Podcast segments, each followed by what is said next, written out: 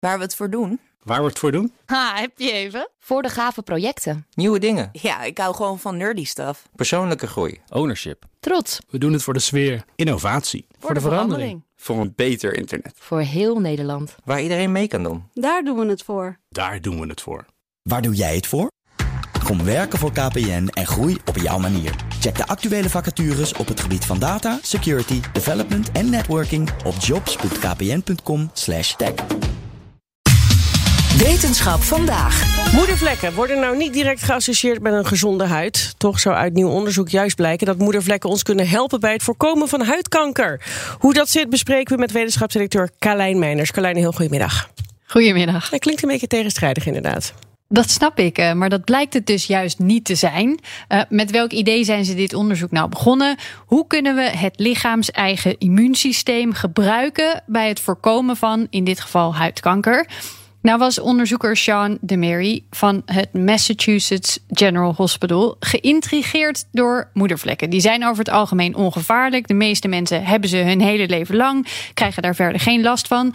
Maar kijk je naar de cellen in moedervlekken, dan lijken die verdraaid veel op de cellen in melanomen. Ah, alleen ja, het ene is heel gevaarlijk en het andere niet. Dat klopt. Uh, wat, wat zijn ze nou gaan doen? Ze wilden kijken hoe die ongevaarlijke moedervlekken zich gedragen als ze niet worden beïnvloed door ons eigen immuunsysteem. Dat kun je niet op een mens gaan uitproberen, natuurlijk. Even het immuunsysteem uitzetten. Helaas zijn er daarom muizen nodig geweest in dit onderzoek. Muizen zonder een werkend immuunsysteem. En die kregen een moedervlek van een mens op hun rug. These brown flat moles that all of us have. You just basically shave biopsy them from patients and put them onto the mouse and follow it over time to see what happens. Does this become melanoma? Does what happens to the immune cells? So this was really a fundamental question of if you transfer these things into an immunodeficient environment, what happens? And what happened was amazingly surprising to us, which is you transfer these again benign flat moles onto the back of the mice, and over 80% of them just disappeared after two, three weeks in the mouse. Hè, ze verdwenen gewoon? Ja, na een paar weken was 80% van de moedervlekken verdwenen. Terwijl ze, waren ze op een mensenhuid gebleven, gewoon waren blijven zitten. Ja. Uh, de andere 20% die bleven ook ongevaarlijk. Die, dat werd dus geen zieke huid, zeg maar.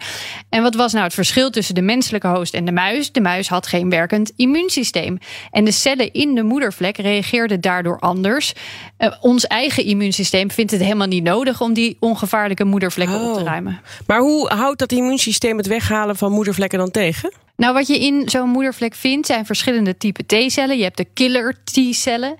Die zouden een moedervlek meteen aanvallen. Als er niet ook T-cellen waren die dit leger in bedwang houden. Dat regelt ons eigen immuunsysteem dus. Ja. Wat gebeurde er nou in het geval van de muizen? Die remmende cellen stierven af.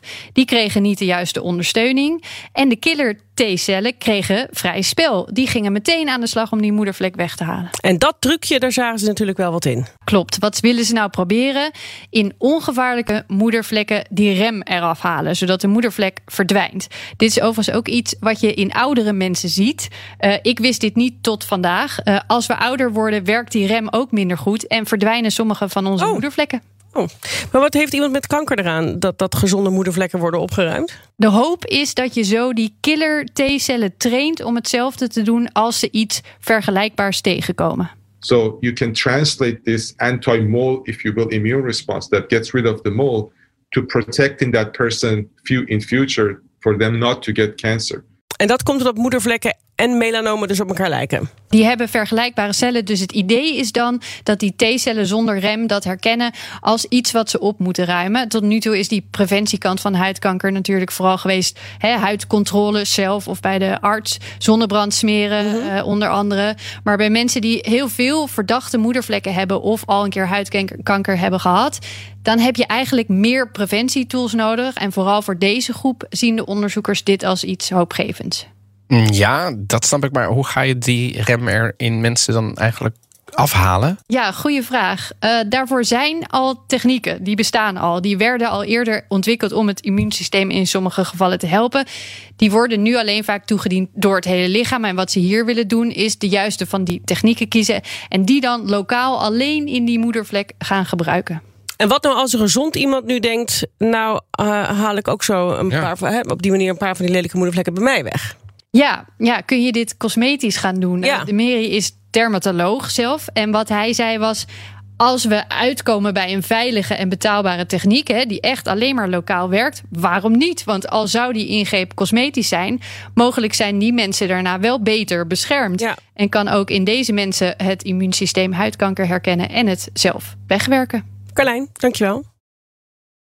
Ook Diana Matroos vind je in de BNR-app. Ja, inderdaad. Je kunt live naar mij luisteren tijdens de Big Five. Ook handig in de BNR-app. Breaking nieuwsmeldingen, maar ook het allerlaatste zakelijke nieuws. En je vindt in de app alle BNR-podcasts, waaronder Wetenschap Vandaag. Download nu de gratis BNR-app en blijf scherp.